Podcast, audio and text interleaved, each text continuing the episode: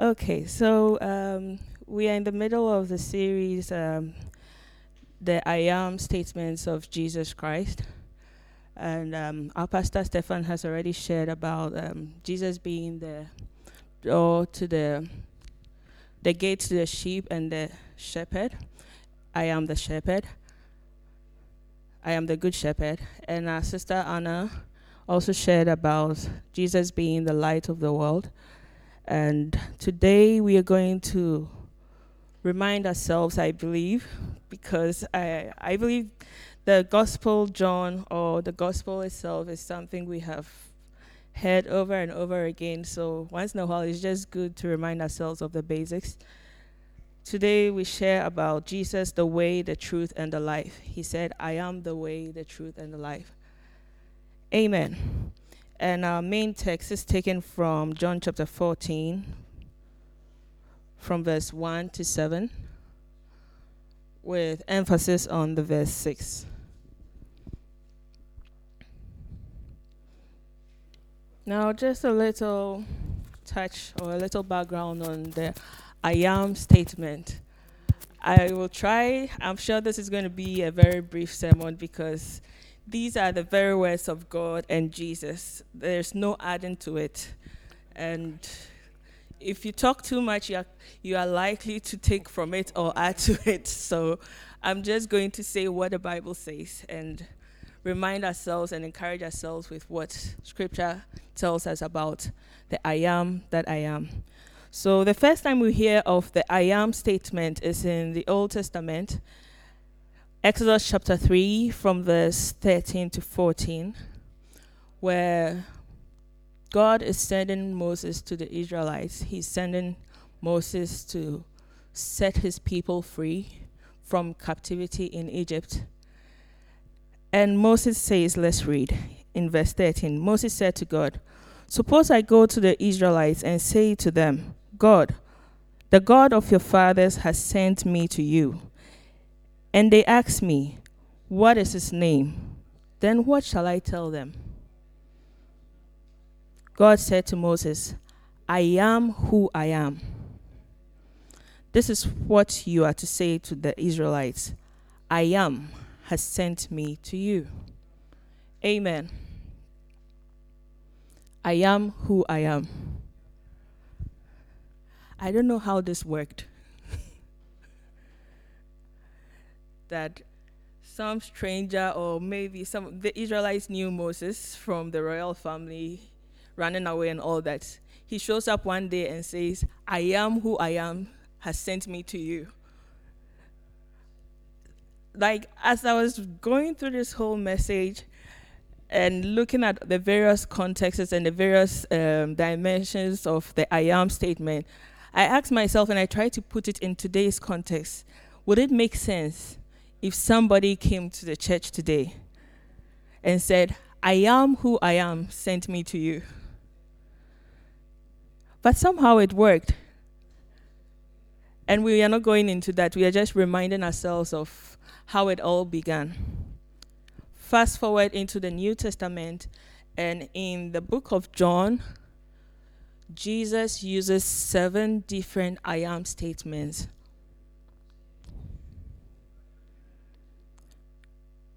To emphasize his oneness with God, first of all, and also to proclaim who he is. So it might have been a bit vague in the Old Testament, but in the New Testament, this I am statement is broken down into seven different aspects, at least seven main aspects. And today we look at I am the way, the truth, and the life.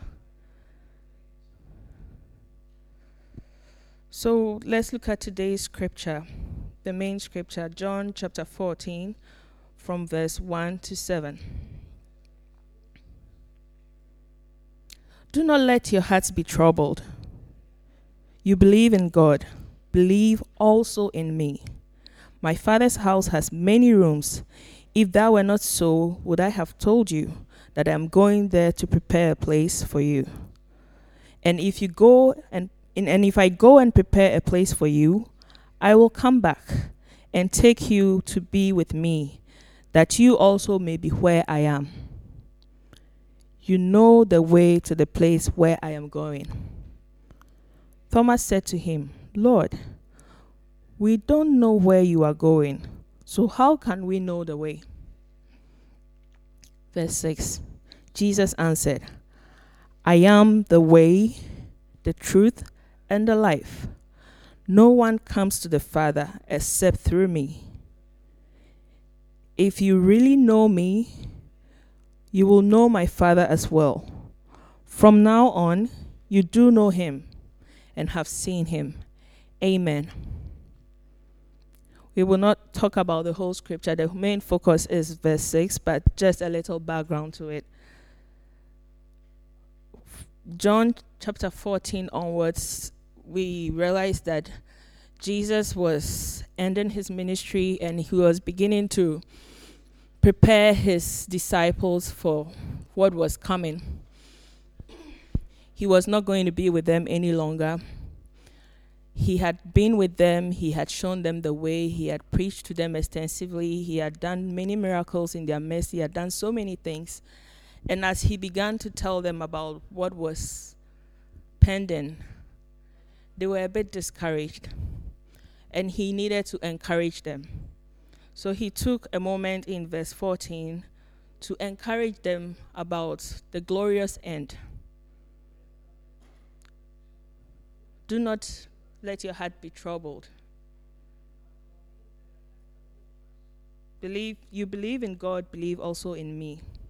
He was just encouraging them about what was coming. He will not be with them anymore, but then he was going to prepare a place for them. And then he leaves them with this very strong and audacious statement, which in his times and even in today could be considered as blasphemous. I am the way, the truth, and the life. No one comes to the Father except through me. This word is still hard to believe in today. This is the word of God, and this is Jesus' very words. In our world today, we believe in many concepts, we believe in many ways to God. There are various religions, and everybody believes their way is the way to God. But Jesus was the only one who declared boldly that He is the way, He is the truth, and He is the life. No one comes to the Father except through Him.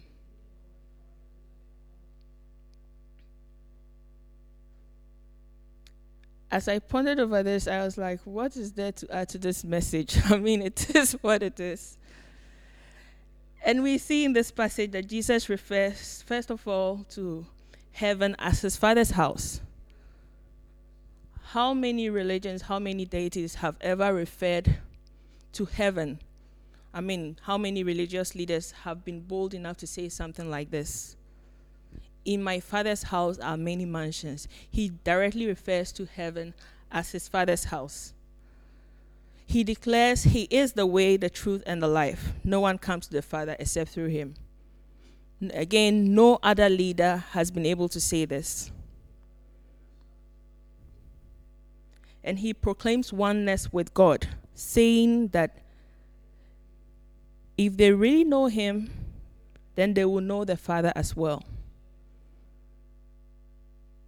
So, this passage, verse chapter 14, is partly an encouragement telling them about the future, but also declaring an aspect of who he is to the people, reminding them. I'm sure this was not the first time he was telling them this. He has said this to them in many other ways, but he needed to boldly declare this. He said this at the expense of his life because the Jews did not joke about things like this. This is blasphemy, and they could stone him. That could have meant the end of his life.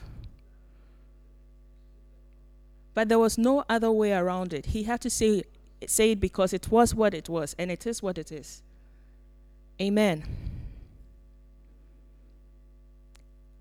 John, John, the Apostle John, if we look at the beginning of John, John chapter 1, from verse 1 to 3, had already declared this about Jesus Christ when he was writing the epistle. In John chapter 1, we are reminded from verse 1 to 3 that in the beginning was the Word, and the Word was with God, and the Word was God. He was with God in the beginning. Through him all things were made. Without him nothing was made that has been made. John declared this about Jesus Christ before Jesus, I mean, later in the books, also makes this declaration about himself. So today, like I said, I will try not to add anything to God's word apart from sharing a few thoughts about what I learned and also what scripture says about this message. So let's take the three main things Jesus said He is the way, the truth, and the life. Let's begin with Jesus, the way. Jesus is the way to salvation and eternal life. Jesus is the only way to God and to heaven. All other roads lead to a dead end. That is what he said. I didn't say it. The Bible says so. Jesus dared to say this at the expense of his life because there was no other way around the truth. The truth, as I have learned from this scripture, must be told as it is. And Billy Graham puts it this way Only by the way of the cross can we find our way to heaven. If there was any other way to salvation, Jesus would not have died on the cross. You know why? Because you remember that Jesus voluntarily came to earth to come and walk this life that he needed to show us. But in the very last hours towards his death, as he saw what was awaiting him the torment, the pain, the agony, the cross he prayed to God three times in the Garden of Gethsemane that if it is possible, let this cup be taken away from me. Nevertheless, not my will, but yours be done. Why would Jesus pray three times to God? If it is possible, what does this mean? If there is any other way to salvation, let me not die this shameful death. Because this was the worst way to die in those times. If there's any other way by which man can be saved, spare me this agony. That was the prayer Jesus prayed in Gethsemane. Amen. So there's no other way.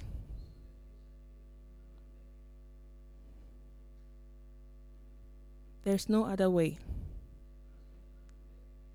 We know this as Christians, but I'm glad that every now and then we get the opportunity to get back to the basis of our faith and remind ourselves of why we are here, why we wake up every Sunday and show up in church, why we call ourselves Christians, why we claim to believe in Jesus Christ. Amen. So in Acts chapter 4, verse 12, Peter, fully persuaded by this testimony and this experience and his encounter with Jesus, declares Salvation is found in no one else, for there is no other name under heaven given to mankind by which we must be saved. He declared this before the Sanhedrin, the highest ruling authority. I mean, the um, Christian um, authority in the time, the, the, the um, before Caiaphas, I mean, before the very people who killed Jesus, knowing that his life was at stake too. If they kill the master, who are you? Jesus made some of these declarations, and that was what led to the plots to take away his life. And in Acts chapter 4, after Peter and Peter and James have healed a, a man, and they, they the, the Sanhedrin summons them, arrest them, bring them forward before the whole people, thinking that it will put some fear in them. And they and they asked them, By which authority did you do this? And they declared that they did this on the authority of Jesus, in the name of Jesus Christ. And they go ahead to declare that salvation is found in no one else. For there is no other name under heaven given to mankind by which we must be saved. This was the very thing those leaders hated to hear. So, what will make Peter declare so boldly? He was fully persuaded. He had been with Jesus, he had seen the life Jesus lived, and he had no doubt in his heart that Jesus was the truth. Which leads us to the next point Jesus the truth. In John chapter 8, verse 32, we read that, Then you will know the truth, and the truth will set you free. Jesus came to show us the way to God the Father. He did so by declaring nothing but the truth about salvation. In order to have eternal life, we must believe the truth Jesus shares about salvation through his word. The word of God is the truth that will set us free. Free from our fears, free from our cares. What did he say? Cast all your cares upon me for for what? For I care for you. Amen. Free from our anxieties, free from our, from our sins, and ultimately free from eternal damnation. The only thing that can set us free is Jesus. And the truth, again, is that the way of salvation has not changed. We cannot work our way to heaven through our good deeds, paying our way through life, or our own strength only by the grace Jesus offers can we enter into heaven. Only by grace can we stand before God, not by our works. And that is the truth Jesus was talking about. He said, Heaven and earth will pass away, but my word will still remain. This fast evolving world with all its concepts and paradigms, cannot change the truth that Jesus is the only way. And again, as I pondered over this, I was like, wow, this Jesus was really bold. Like he was really daring, really audacious. I don't know which word to use. He spoke nothing but the truth. And there was no sugarcoating of the truth. He said it as it is. He said the truth without fear or favor. He was not afraid of losing friends or followers, as we do today as Christians. And in fact, the Bible makes us understand that the more he spoke the truth, the more he preached, the more the crowds grew around him the more he spoke the truth, the more his followers grew. Today we are afraid of losing followers, so we are afraid of telling the truth about the gospel. We are afraid of losing friends. We are afraid of losing people around us. So we can't tell them the truth even when we see them heading the wrong direction.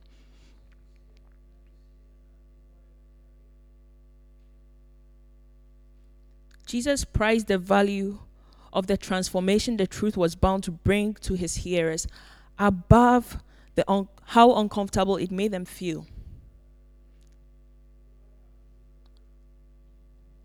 Amen. Later on, we realize that Peter and John, his disciples, are, are also going to, should I say, be baptized with this courage to declare the truth as it is.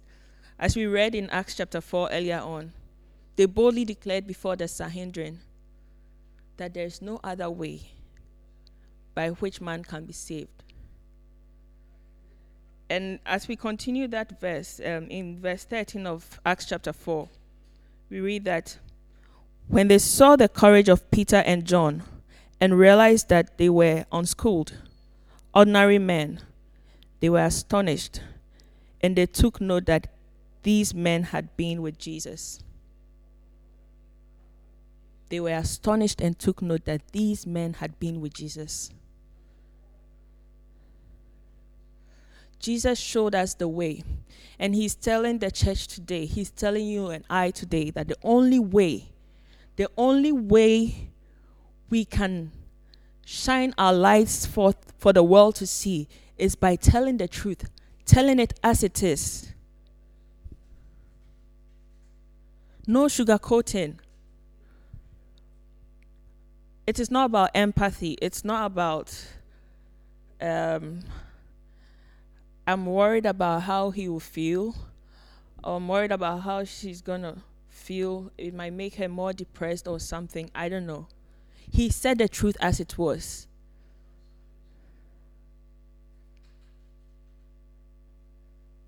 I am the truth.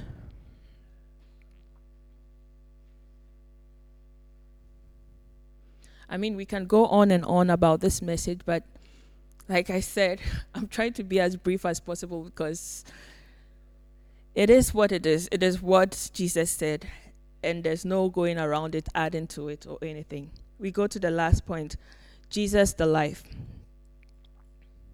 In John chapter 1, verse 4 to 5, we read again that in him was life, and the life was the light of all mankind.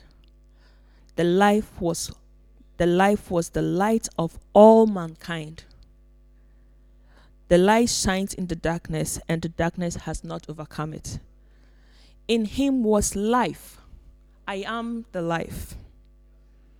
In him was life, and the life was the light of all mankind. What do we see in the world today? A lot of emptiness, a lot of frustration, a lot of sicknesses, so many daunting things. But John declares, In him was life, and the life was the light of all mankind. Anna preached about Jesus being the light of the world, bringing hope to a hopeless world.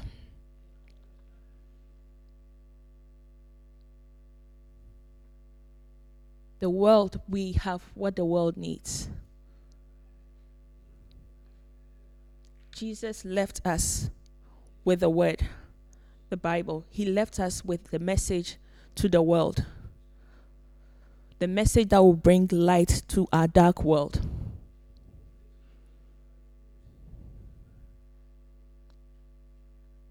The life was the light of all mankind.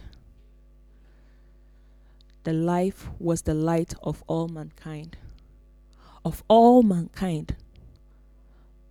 Not some, all mankind. What do we see in our world today? Yesterday, I chanced upon a couple of articles and it was talking about celebrity deaths. You see, sometimes we think and deceive ourselves that maybe if I got all the money I need, if I got all the fame I could have, if everybody saw me as important enough, if everybody gave me all the respect I need, if all everybody gave me or people gave me the, all the attention I need, maybe just maybe I will be fine. But many of these celebrities who took their lives in their suicide notes talk about depression, emptiness. Emptiness. How can you be empty when the whole world knows you? That is not the light of the world. Fame is not the light of the world. How can you feel empty when all all you need to do is just post a picture of your hand on Instagram and you get how many 10 million likes at a go and how adorable the fingers are and whatever all you need to do is excuse me sneeze i was going to say sneeze and the whole world applauds you, and yet you die of emptiness. Is it about fame? Is it about all these things the world offers? All these dimensions of human rights, whatever it is. Fight for your right, fight for this, fight for that, fight for that, and gain some recognition, gain some. Is it about all that? If it was about all that, don't we have enough celebrities in the world to bring light to this world? Don't we have enough famous people, enough rich people?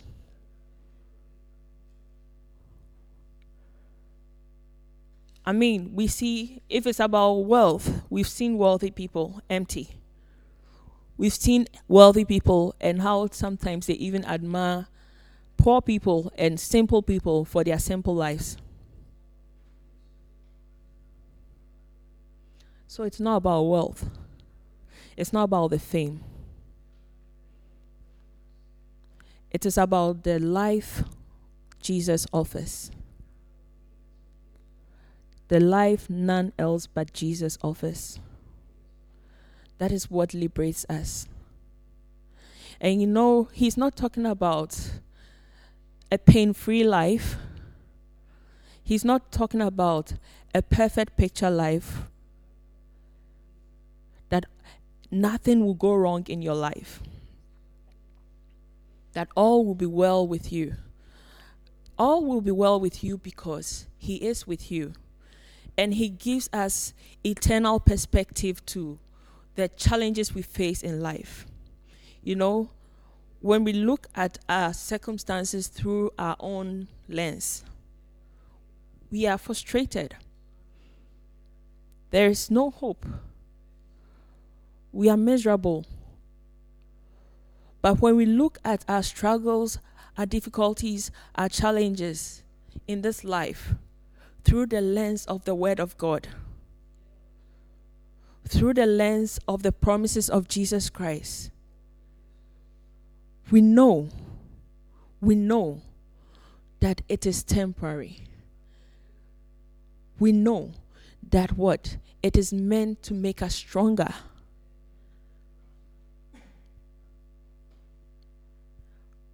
we cannot be consumed by that fire.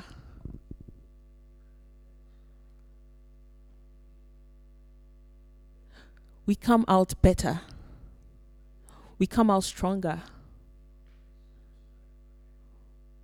We come out with a more eternal perspective when we keep our eyes on Jesus. So you have this peace unspeakable in the midst of the storm Everybody sees you going through the fire and they are wondering what is making you smile. How can you afford a smile in this situation? You may lose it all. Like Job.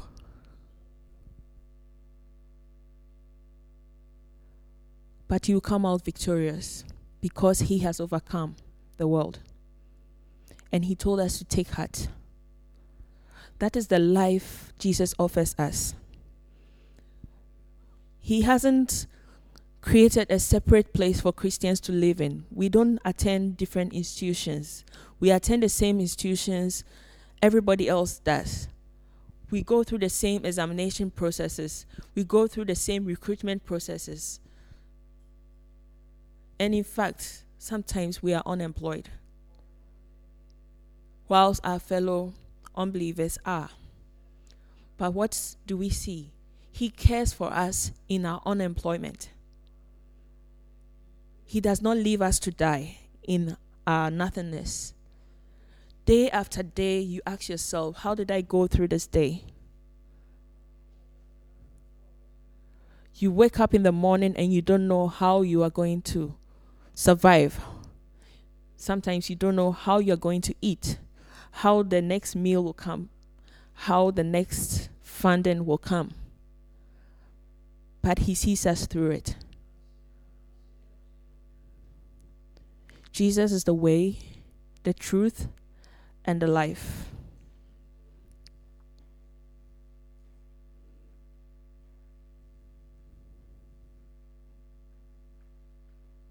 The way, the truth, and the life. As I was preparing this message, I had to pause for a moment and ask myself, do I believe these things I'm writing? Because, I mean, this is a very popular scripture, and I come from Ghana, and in Ghana, religion is like ingrained in the fabric of the society. There's, there, I mean, you you are the odd one if you don't believe. Mostly in God. Ghana boasts of 71.2% Christians, similar to Finland. Finland, if we put, um, I checked Wikipedia just a while ago, and it says that if you put the evangelical Lutherans, Orthodox Christians, Christians, and other Christian groups together, they constitute 71.8%, 86% of Christians. The, the population of Finland, 71.86% Christians. It's come down. It used to be higher than that. It means the church has work to do. and Ghana boasts of 71.2% Christians. So these are scriptures we learned in Sunday school. I am the way, the truth, the life. No one comes to the Father except through me. And these are things that we have said over and over again.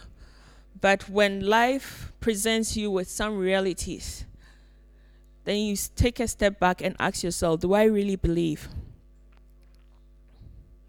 Do I really believe that Jesus is the way?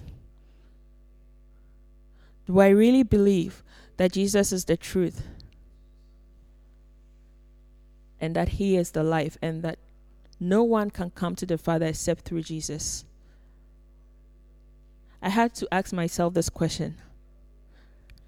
And I ask you because I came to the conclusion that I believe. There's too much evidence not to believe.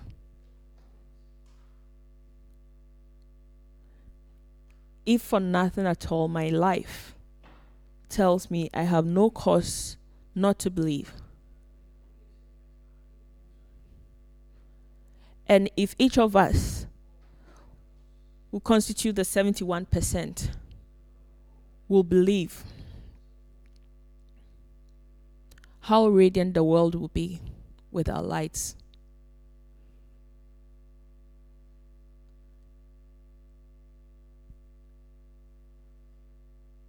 So we have the answer as a church. Andraé, Andraé Crouch, the the song, the musician, the gospel musician, sang the song that Jesus is the answer for the world today. Above him, there's no other. Jesus is the way. He was fully persuaded, he was fully convinced.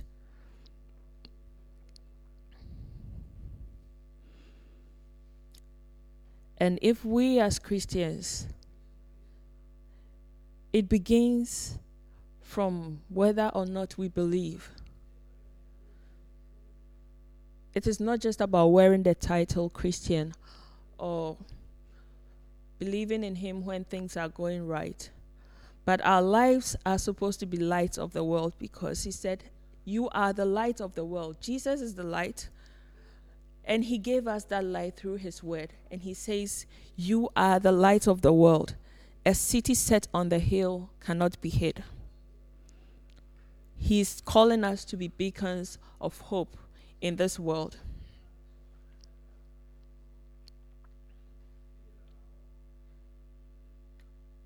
The life was the light of all mankind. Amen.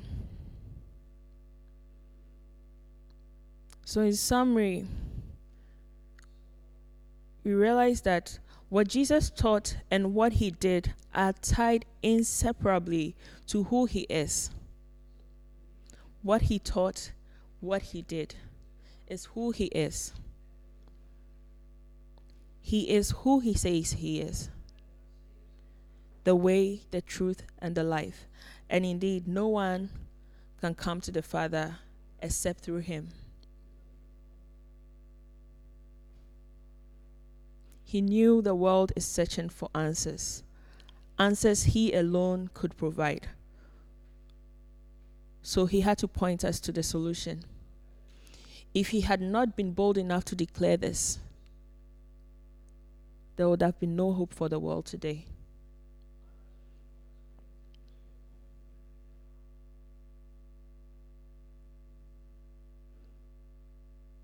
Jesus has called us to be proclaimers of the truth. It begins by we first believing in His Word as the truth and the source of life. When we come to the place where we fully believe, we will not struggle to convince others. Amen. I like to end with this scripture just to encourage us and also to remind us of who we are. Romans chapter 8, from verse 18 to 21.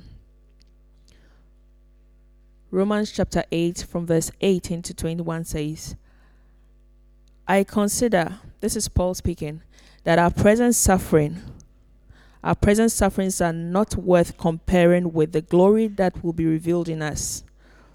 For the creation waits in eager expectation for the children of God to be revealed. For the creation was subjected to frustration not by its own choice, but by the will of the one who subjected it in hope, in hope that the creation itself will be liberated from its bondage to decay and brought into the freedom and glory of the children of God. As we believe that Jesus is the way, the truth, and the life, we will live exceptional lives as children of God. Our lives will shine forth as light to the world. Amen.